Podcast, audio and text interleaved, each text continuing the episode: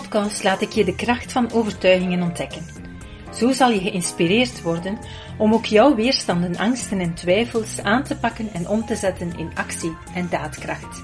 Ik ben Iris Willems en ik heet je van harte welkom bij de Kracht van Overtuigingen podcast.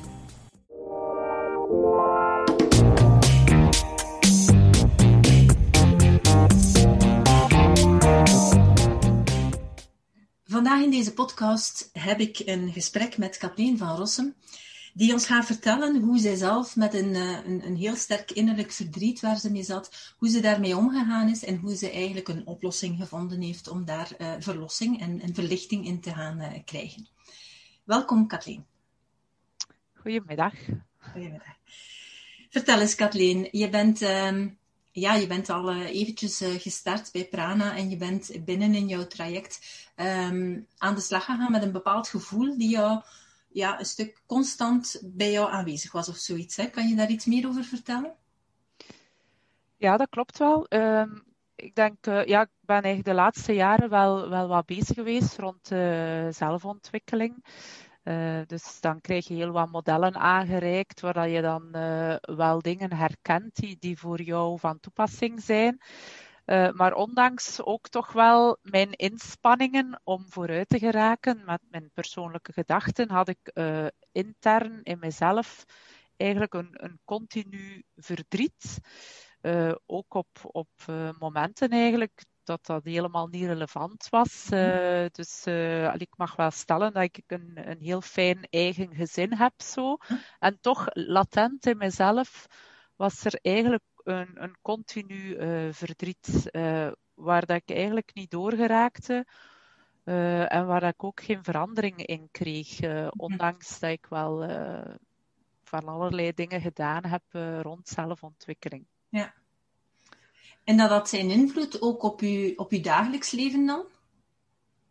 Um, ja, door, door dat permanent uh, verdriet heb je wel het gevoel, dat tast wel een stukje je eigenwaarde aan. Mm. Of je, je zelfvertrouwen, omdat dat uh, innerlijk toch wel een soort rem geeft. Ja. en dat innerlijk verdriet, als je dan ehm, het model kent van uh, kritische ouder en innerlijk kind. Dus het was mij wel al duidelijk geworden dat dat verdriet zat bij mijn innerlijk kind. Dus mm -hmm. uh, mijn kleine meisje, eigenlijk uh, mijzelf als kleine Kathleen zou ik maar zeggen, die daar toch ergens een, een tekort had ervaren in haar perceptie. En wat ik eigenlijk nog altijd uh, meedroeg als, als volwassen vrouw eigenlijk. Uh. Ja, ja, ja. En hoe heb je dat dan aangepakt? Hoe ben je dan uh, gestart of wat heb je dan gedaan? Ja, dus bij Prana is er heel veel accent eigenlijk op overtuigingen en ook wel uw eigen gedachten. Dus ehm, ik ben eigenlijk gestart om toch dieper in te gaan op die overtuigingen en dan ook daar wat dieper op in te graven. Uh, want achter een bepaalde overtuiging zit dikwijls een onderlaag, waar dat je dan komt op toch weer een ander niveau. Iets dat nu speelt bijvoorbeeld in uw werkomgeving, aansluiten bij co collega's, connecteren met anderen. Maar dan ja, zat daar toch altijd een, een laag onder die ik voelde van, ah ik moet dieper gaan en ook verder teruggaan in mijn verleden. En ik kwam dan eigenlijk uit op mijn, uh, mijn gezin van oorsprong, uh, zoals ze dat zeggen. Dus um, mijn ouders hebben eigenlijk zelf wel uh, een moeilijke start gehad als, als gezin. Uh, dus mijn zus is zes jaar ouder en ze is eigenlijk van een tweeling. Het tweede kindje is, is overleden en daarna hebben mijn ouders nog een, een kind gehad die uh, twee jaar geleefd heeft met uh, open rug, waardoor dat, uh, dat mijn zusje Martien eigenlijk nooit uit het ziekenhuis geraakt is. En, en daarna kwam ik en, en ik was eigenlijk wel helemaal gezond, maar mm-hmm. mijn ouders hadden uiteraard al heel veel verdriet moeten doorstaan. Mm-hmm. Um, en onbewust, daar ben ik dan wel in verloop van, van oefeningen achtergekomen, heeft dat toch een, een invloed gehad op, op mijn welkom. Een, een mm-hmm. stukje de angst uh, waarschijnlijk, hè, want dit is wel een invulling natuurlijk van mijzelf. Uh, Het is niet dat mijn ouders dat letterlijk zo verteld hebben, Ehm, maar een, een, invloed op, op de welkom voor mij in deze wereld, aangezien dat mijn mama natuurlijk wel angsten en verdriet had, uh, mm -hmm. dat misschien weer fout zou gaan bij het geboorte van het nieuwe kindje. En, en daar had je dan eigenlijk een stuk uh, het gevoel dat je hun verdriet overgenomen had? Of, of wat, wat, wat, van waar kwam dat verdriet dan dat jij voelde? Chronisch? Ja, dus uh, we hebben nogal een, een gesloten relatie, zou ik zeggen, uh, met mijn ouders. En mijn ouders, ja, die zijn niet zo uh, dat ze heel veel praten over gevoelens. Dus voor mij is dat wel het gevoel dat ik eigenlijk het verdriet.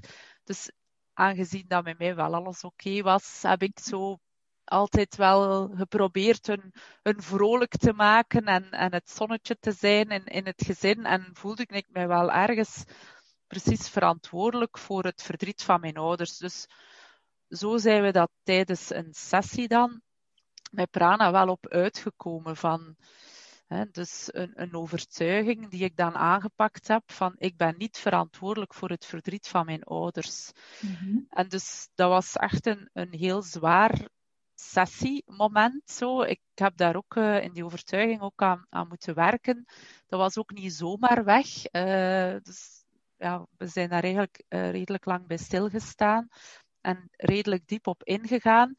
Maar eer dat ik die uh, overtuiging heb kunnen uh, inprenten, dan gingen de overtuigingen die daarboven lagen, bij wijze van spreken, boven lagen, gingen dan eigenlijk heel snel. Dus voor mij was dat echt wel een doorbraak mm. om van die overtuiging eigenlijk verlost te zijn. Ah, mooi. En, en voelde je dat dan ook? Heeft dat dan effectief ook een, een effect gehad op het gevoel dat je had? Dat verdriet die constant in, in jouw borstkast? Of ik weet niet waar dat Ja, dus uh, ten eerste allee, tijdens, tijdens eigenlijk de sessie rond het inprenten van overtuigingen. Dus uh, ja, voel ik zo heel veel weerstand en, en zenuwachtigheid in mijn lijf. En daarna kon ik echt zo binnenuit een, een warm, voldaan gevoel uh, voelen. Dat was een heel groot verschil en dat is eigenlijk ook lang blijven hangen. Mm-hmm. En dan in de tijd daarna, en ook ja, nu nog, als ik nu eigenlijk terugga naar mijn innerlijk kind en bij wijze van spreken een interne dialoog voer met mijn innerlijk kind, dan gaat zij zich veel meer richten op uh, ja, leuke dingen of iets beleven. En dat verdriet zit daar helemaal niet meer. Dus ik, allee, ja, natuurlijk ben ik nog eens uh, verdrietig, maar dat is geen permanente innerlijke toestand ja. meer. En Mooi. dat is echt een heel verschil. Ja. ja. Dat is inderdaad wel een, een, een heel groot verschil. Dat heeft dan natuurlijk ook voor de rest een grote impact gehad, veronderstel ik, op, op, op je dagelijks leven, het, het plezier in je leven. Heeft dat daar ook een impact op? Um, ja, dus het is eigenlijk soms wat de vrijheid. Um, ik moet persoonlijk zeggen dat ik uh, nogal struggle op uh, werkgebied. Van kijk, waar is nu mijn plaats op werkgebied? Uh, maar ergens ben ik er nu ook wel achter dat dat ook soms mijzelf was die, die een rem heeft op content zijn met de situatie nu of het waard zijn om, om te werken waar dat ik nu werk en het goed genoeg doen. Ehm, dus dat zijn wel dingen die ik nu eigenlijk makkelijker kan in perspectief zien en, en waar ik ook gewoon meer contenter of dankbaarder, en ik denk dat dat nog een, een belangrijke is, dankbaarder met de situatie zoals die nu is, ook al zijn er dingen die ik wil veranderen. Mm-hmm. Maar dat je een basisstaat hebt van dankbaarheid en zeggen van, ah, ik, ik wil leven, ik wil ook genieten van het leven. Ja. Ik wil uh, content zijn met mijn leven en ik, ik laat toe dat er leuke dingen op mij afkomen. Ja, want dat is wel belangrijk wat je nu zegt. Um, ik denk voor veel mensen dan ze misschien nu zich afvragen van, wat is nu het. Allee, dat ze misschien moeilijk hebben om het verband te zien tussen het verdriet van je ouders en, en jouw moeilijkheid of gevoel van, ik hoor er niet bij, ik zit hè, in, ook in uw werksituatie, ik voel me niet, niet altijd overal welkom en ik voel me niet altijd goed. En, en, en die situatie van toen. Maar eigenlijk had jij als kind um, ja, ook, je, je had dus eigenlijk zelf de verantwoordelijkheidsgevoel overgenomen van ik moet zien dat, mijn ouders, dat ik mijn ouders blij maak, want ze hebben al zoveel verdriet meegemaakt, moet ik nu wel, wel zien dat ik hen blij maak. Maar tegelijkertijd heb je wellicht ook een stukje het gevoel gehad van ja, ehm, ben ik hier nu wel de anderen, allee, daar is iets mis mee gegaan en, en waarom, waarom ben ik dan wel gezond? Misschien dat je daar wel onbewust schuldig voelde. Dat je gezond was. Zo, zo heb ik misschien niet ervaren, maar wat ik wel uh, ervaren heb nu en waar ik meer en meer bij stilsta, ik heb door eigenlijk uh, het verdriet te willen overnemen van mijn ouders, mijzelf misschien wel heel hard altijd gericht op anderen. Mm-hmm. En ook ja, anderen blij willen maken, maar door daar ook wel bevestiging zoeken dat ik hun blij maak. Of, of, of ja, in alle, allerlei contexten. Dat ik, allee, ik ben op zich heel extravert, maar ik haal ook mijn mijn erkenning uit anderen. Dus ik ben heel hard geprojecteerd naar buiten toe. Mm. Wat ik nu ook wel, wel besef van, ja, ik moet wel zien wat ik leuk vind en, en wat mijn invulling is van het leven. En daar ben ik nu wel een stuk van bevrijd, van de verantwoordelijkheid van ja, anderen te moeten bij, blij maken of het verdriet over te nemen van mijn ouders ja, dat is dus eigenlijk niet mijn rol. Mijn, mijn rol is om, om mijzelf gelukkig te maken. En, en dat is nu wat veel meer stroomt van oké, okay, eh, waar haal ik levensvreugde uit en, en wat is mhm. mijn pad dat ik wil volgen in de toekomst. Ja. En heb je dan ook overtuigingen gedaan zoals um, ik, wil, um, ik wil genieten van het leven, ik kan genieten, ik mag genieten van het leven, ik ben het waard om te genieten van het leven? Zijn dat dingen die je al aangepakt hebt of zijn dat misschien dingen die ik jou nog mee kan inspireren om te gaan doen? de nuances tussen ik wil, ik kan en ik mag zijn, zijn inderdaad wel, wel belangrijk. En voor mij is, uh, ja, wat, wat, voor mij vibreert, waar dat ik voel dat ik aan, aan uh, nog altijd wel aan kan werken, is van ik ben het waard. Ook, uh, en anderzijds, eentje wat ook tijdens uh, de sessie naar boven kwam en wat in mijn gevoel ook wel een belangrijke is en ook niet zo'n evidente om, om te doen, is dat je eigenlijk iedereen uit het verleden vergeeft. Ik vergeef mijn ouders voor de opvoeding die ze mij hebben gegeven. Of ook, ik vergeef mijzelf dat ik misschien zo lang daarin vastgezeten heb, terwijl dat dan niet nodig was. Ja, dus, uh... klopt. En dat is een heel belangrijk. We staan daar niet bij stil. Maar, uh, en we vinden dat ook dikwijls van ja, vergeven. Ik vergeef mezelf. Ik heb soms dat mensen zeggen van ja, ik vergeef mezelf. Dus dan, dan, dan geef ik toe dat ik iets fout gedaan heb. Maar ja, daar gaat het hem niet over. Het gaat hem over je, je innerlijk vergeven van, zoals dat je zelf zegt, dat je bijvoorbeeld erin vastgezeten hebt, dat je bijvoorbeeld niet vroeger actie hebt ondernomen, voor jezelf niet in, in, een, eh, in een, een wrok te blijven hangen en te zeggen, had ik maar, hè, want dat, daar kom je ook niet mee vooruit. En dat is inderdaad het stukje vergeven dat je moet gaan, uh, bij jezelf gaan doen. Maar jij hebt dat um, bij jezelf, je, je zegt ook zelf van, je bent daar gaan aan werken. Het is niet zo dat je door gewoon maar even dat te denken, dat allemaal opgelost was wellicht. Hè? Nee, nee. Dus uh, ja, het, het, inprenten is, is wel een belangrijke.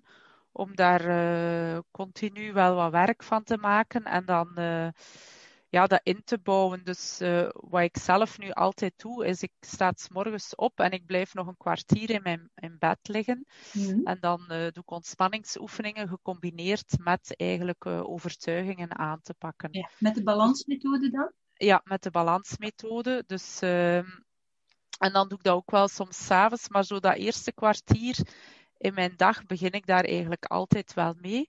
En ik heb ook een, een, boekje die altijd in mijn handtas zit. En als er in de verloop van de dag zo dingen mij triggeren, allez, zo noem ik dat dan, dan schrijf ik dat wel op, om dan, uh, ja, meestal zijn dat dan negatieve gevoelens die u triggeren van, oh, ja, ik ben niet slim genoeg of ja, bij anderen gaat het vanzelf, ja. dan uh, schrijf ik dat wel op en dan zet ik daar een andere overtuiging tegenover van ik ben het waard, ik ben intelligent genoeg, uh, stap per stap raak ik verder. En dan zijn dat weer dingen die ik dan de volgende keer als ik rond overtuigingen werk, uh, mee verder kan. Ja. En dat boekje heeft mij wel goed geholpen voor focus te houden. Mm -hmm ik ben nogal iemand die alles tegelijk en dan wordt alles zo'n warboel. Uh, dus vandaar is dat boekje nu wel goed. Uh. Ja, heel mooi. Um, en het is ook heel belangrijk dat je zegt van het, het is zo stapje per stapje.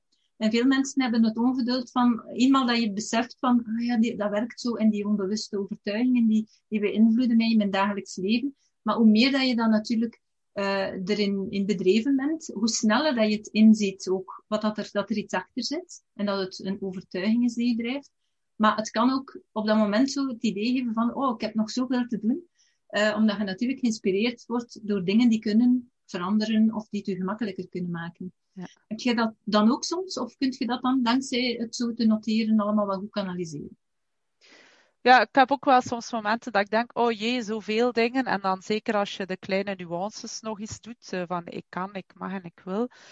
Maar voor mij wat eigenlijk daar het belangrijkste in is, ook is dat je eigenlijk zelf verantwoordelijkheid neemt. Mm Dus elke keer als er dingen om jou gebeuren of mensen jou, ja, dat, dat je een negatief gevoel overhoudt aan een bepaalde ontmoeting of een bepaalde interactie met mensen, dat je eigenlijk zelf een stukje iets te doen hebt van een bepaalde overtuiging. Mhm. En dat is voor mij nu wel uh, ook een doorbraak om toch nog meer dat verantwoordelijkheidsgevoel van oké, ik kan er ook zelf iets aan veranderen door een bepaalde gedachte te veranderen en een andere overtuiging daartegenover te zetten. Ik moet mij niet mijn leven laten domineren door de acties, de, de meningen van anderen. Ja. Je kan het zelf aanpakken en ik kan zelf, als het nodig is, mij ook afschermen van bepaalde dingen door technieken te leren daar rond. Ja, ja. Dat vind ik wel heel belangrijk. Uh, dat eigenlijk een soort techniek ook je eigen maken is. Ja, uh,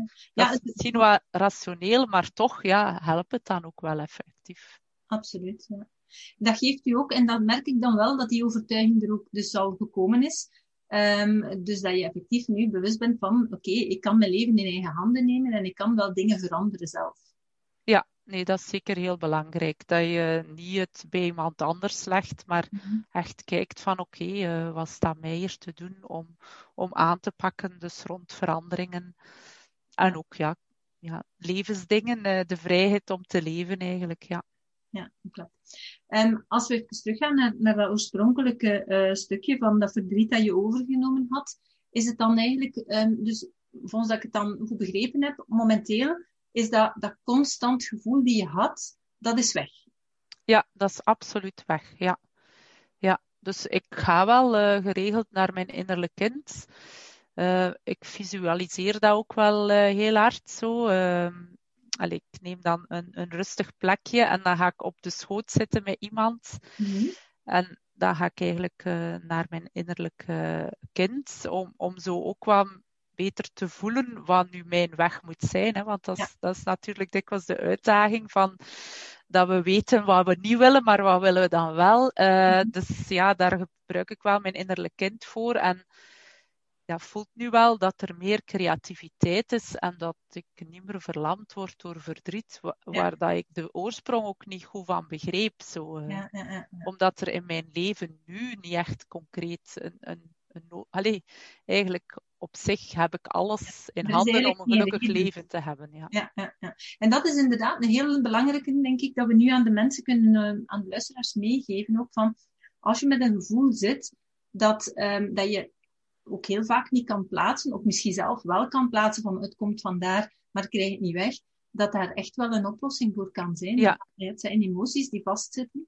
En als je inderdaad wel uh, de juiste weg vindt, dat je daar wel van, uh, van verlos kunt geraken. Dat dat niet zoiets is wat dat eeuwig en altijd hoeft te blijven duren. Nee, en het is belangrijk om er dan door te gaan en dat ook effectief aan te pakken. Want ik heb dat misschien wel al, al wat jaren, misschien zelfs, in mij gevoeld. Maar omdat ik niet zo goed wist, wat moet ik er nu mee doen, heb ik mhm. van alle dingen daarbovenop gedaan, die dan eigenlijk hun effect niet hadden. Maar door er echt naartoe te gaan en mee bezig te zijn met dat innerlijk verdriet, is er pas verandering gekomen. Ja, ja. Maar dat is moedig, want hè, vele mensen lopen ervan weg. Dus je hebt het inderdaad uiteindelijk toch aangepakt. Je hebt de tools gevonden om ermee aan de slag te gaan. Je blijft ermee aan de slag gaan. En nu zeg je van, oké, okay, eigenlijk de, de zaken die daar nu rondhangen, hè, rond uw zelfbeeld, rond uh, er mogen zijn, rond, rond ja, ook niet altijd moeten veranderen zorgen, maar ook mogen zorgen voor uzelf. Dat zijn ook allemaal overtuigingen die ik jou wil vertellen, die je nu ook aan het aanpakken bent om zo stelselmatig nog een betere versie van jezelf te worden. Ja, absoluut. Ja, ja, ook ehm, zeker zo. Uh, ook werkgerelateerd. Ik heb in C wel een, drukke job, maar ik heb nu twee dagen verlof. En het is ook voor mij uh, heel lang geleden dat ik zo uit een, een soort continue stress ook uitgestapt ben. En volgens mij heeft dat er ook wel wat mee te maken dat je, je basis wat sterker is, mm-hmm. waardoor je ook jezelf toelaat van oké, nu is het geen werk en nu mag ik allee, ja, ja. plezante dingen doen en, en leven en met andere dingen bezig zijn. Ik geef mezelf die toestemming. Dat is misschien ook nog wel een mooie. Ja, dat is ook een mooie. Mezelf de toestemming om te ontspannen of om te genieten. Voilà. Ja, ja. En, maar natuurlijk, het is, we trekken terug altijd naar dat, dat basisgevoel. Als dat basisgevoel van verdriet er nog altijd zou geweest zijn, dan is het logisch dat je dat niet toelaat, ook omdat dat, je wilt dat niet voelen. En hoe meer dat je ook in rust komt, hoe meer dat je bij bij dat gevoel komt en dat wilt je niet. Dus je probeert dat weg te duwen, je probeert bezig te blijven, maar het lost het niet op natuurlijk. Nee. nee, in het verleden had ik, als ik dan een boekje lees in de zetel, dan overviel mij dat verdriet altijd. Ja. Dan dacht ik, allee, ik ga nu ontspannen. En dan ja, kon ik bijna echt gaan wenen. Maar van waarom dan? Dat kon ik niet zeggen. Allee, dat, dat zat gewoon in mij. Dus als ik tot rust kwam, was er bijna altijd ergens een verdriet. Ja. Dus, en dat is nu niet meer. Als ik tot rust kom, kan ik ook gewoon uh, ja. content zijn en mee ontspannen. Ja. Mooi, heel knap. Proficiat. Ja, dankjewel. Ja, het is heel mooi gedaan. En ook heel, heel tof dat je dat met, uh, met mij en vooral ook met de luisteraars wou delen. Want ik denk dat dat voor veel mensen inspirerend kan zijn om toch te beseffen dat dergelijke dingen ook een, uh, een, rol, allee, een heel belangrijke rol spelen. En dat je er op die manier ook kan, kan doorheen geraken en kan aan werken. En dat het soms vanuit een heel andere hoek kan komen. Hè? Want mensen gaan, gaan verdriet ook altijd associëren met, ik weet niet, iets dat je zelf hebt meegemaakt en dat je uh, zelf bepaalde dingen nog niet verwerkt hebt. Maar in dit geval was het nu toch wel een, een heel ander iets die je hebt overgenomen van anderen. Ja. ja. ik geloof ook wel dat er veel dingen uit onze kindertijd uh, komen. En het belangrijkste is denk ik dat we dan dat aanpakken en iets mee doen. En het niet op het verleden steken of het schuldgevoel geven aan de mensen die u to toen omringd hebben. Want ja, iedereen heeft bepaalde ladingen die hij zelf niet beseft. En dat is dan het, mooie wel van het daar wel te halen, maar daar niet in te blijven vastzitten en, en daar iets mee doen, waardoor dat je kan gericht zijn op de toekomst. Zo ja, en dat je sterker wordt, hè? dus op die manier, en dat is terecht, want uh, het is niet de bedoeling dat we daarbij inderdaad anderen gaan de schuld geven. Die hebben ook maar geleefd en gereageerd op hun situatie op dat moment. Vaak niet bewust zijnde van wat, dat, wat dat er gebeurt, wat er bij hen speelt, welke impact dat dat heeft. En tegelijkertijd als kind, ik heb dat ook al in vorige podcast gezegd, ga je ook dingen interpreteren of, of emotioneel aanvoelen die helemaal niet zo bedoeld zijn, maar die jij wel zo beleeft en zo in je systeem opneemt. En die dus uh, uw ouders zullen zeker niet bedoeld hebben om dat, dat, u die verantwoordelijkheid te geven of dat gevoel te geven van, van verdriet of, of dat jij er verantwoordelijk voor bent. Maar als kind ga je wel heel veel dingen opnemen en, en voelt je verantwoordelijk als uw ouders verdrietig zijn. Heel vaak dat je denkt van ja, ik ben niet degene die rondloopt, uh, wat kan het anders zijn? Hè? Want je kan ook niet in hun hoofd kijken en je, je, ze zullen nu toen, als je klein was, ook niet alles verteld hebben van wat dat er allemaal gebeurd is en waar dat zij allemaal uh, verdriet om zijn. Dus jij kan dat alleen maar gaan associëren met jezelf ook. Hè? Ja, nee, dat is waar. Ja. Als, als kind kan je dat onderscheid ook niet maken. Nee, nee, dat is dus, uh, dus uh, Mooi, heel knap. Dankjewel. Is er nog iets wat jij nog aan de luisteraars nog zou willen extra meegeven als tip of als les of wat dan ook? Of um, zeg je van... Ik ja, ik hoop echt wel uh, dat mensen uh, door dit verhaal geïnspireerd zijn om dingen van het verleden wel te onderzoeken en daar dan eigenlijk iets, iets uit, uit te putten, maar dat dan uh, positief om te draaien. En misschien nog een belangrijke is dat je, als je weerstand voelt rond, rond bepaalde thema's, dat dan eigenlijk juist het moment is om daarmee door te gaan en daar rond te werken. Omdat mhm. je dan weet, als er weerstand is, oké, dit is iets dat mij, als ik die weerstand weg heb, dat mij gaat vooruit helpen. Uh, en dus ja, ik zou zeggen, uh, pak het stap voor stap aan. Uh, als je iets voelt met weerstand, werk dan daar eerst aan en ga dan naar iets volgends in plaats van alles tegelijk te willen doen, want dat lukt ja, niet. Ja. En dan ga je echt meer naar de basis. Dus, uh, maar ik geloof sterk in de aanpak van overtuigingen en daarom te werken.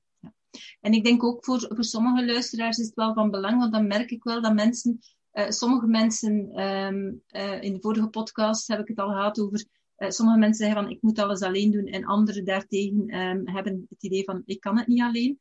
Um, maar het is wel belangrijk in dit geval ook om toch uh, de ondersteuning te durven vragen om daardoor te gaan. Hè? Want het is wel gemakkelijker, dit hebben we nu ook in een stukje begeleiding gedaan om daardoor te gaan, wel gemakkelijker dan als je het in je eentje wil gaan doen, uh, om, om daardoor te gaan, omdat die weerstand zo groot is. Hè? Ja, en vooral omdat je in iets zit en daaronder zitten onderliggende overtuigingen. En dat is niet altijd zo makkelijk om dat op, op jezelf dan te beseffen wat daaronder zit. En dan is het wel gemakkelijker om, om daarin begeleid te worden. Dan kan je zelf eigenlijk helemaal in je gevoel gaan en in de verandering uh, die je wilt bekomen. En kan de begeleider meer u helpen met welke vers verschillende overtuigingen pak je aan. Dus ja. dat is wel waardevol, ja. Oké, okay, super, dankjewel. Je hebt dat heel goed gedaan. En uh, nogmaals, uh, heel erg bedankt om dat te willen delen met ons allemaal. Oké, okay, graag gedaan. Super tof dat je hebt geluisterd naar de Prana Mental Excellence podcast. Ik hoop dat je het waardevol vond en dat je er inzichten uit hebt kunnen halen voor jezelf en voor je eigen business. Vond je het een waardevolle podcast, dan zouden we het heel erg waarderen als je dit zou willen delen. Enerzijds door dit te delen via je eigen Instagram of LinkedIn. Maar wat we nog meer zouden waarderen als je tijd en moeite zou willen nemen om ons een review achter te laten. Werk je met een Apple-telefoon, dan kan je dat doen binnen je eigen podcast-app door daar een review te geven. Geef ons een x aantal sterren met daarbij een korte motivatie wat je van onze podcast vindt. En werk je met een Android-telefoon, dan zie je dat de meeste apps geen review-mogelijkheid hebben. Wat we dan heel erg zouden waarderen, is als je op Google Prana Mental Excellence zou willen intypen en vervolgens via de Google Review sectie iets zou willen vertellen over Prana, wat je van ons vindt en wat je aan onze podcast hebt gehad. Alvast heel erg bedankt. Ik hoop dat je er volgende week weer bij bent bij onze volgende aflevering van de Kracht van Overtuigingen podcast.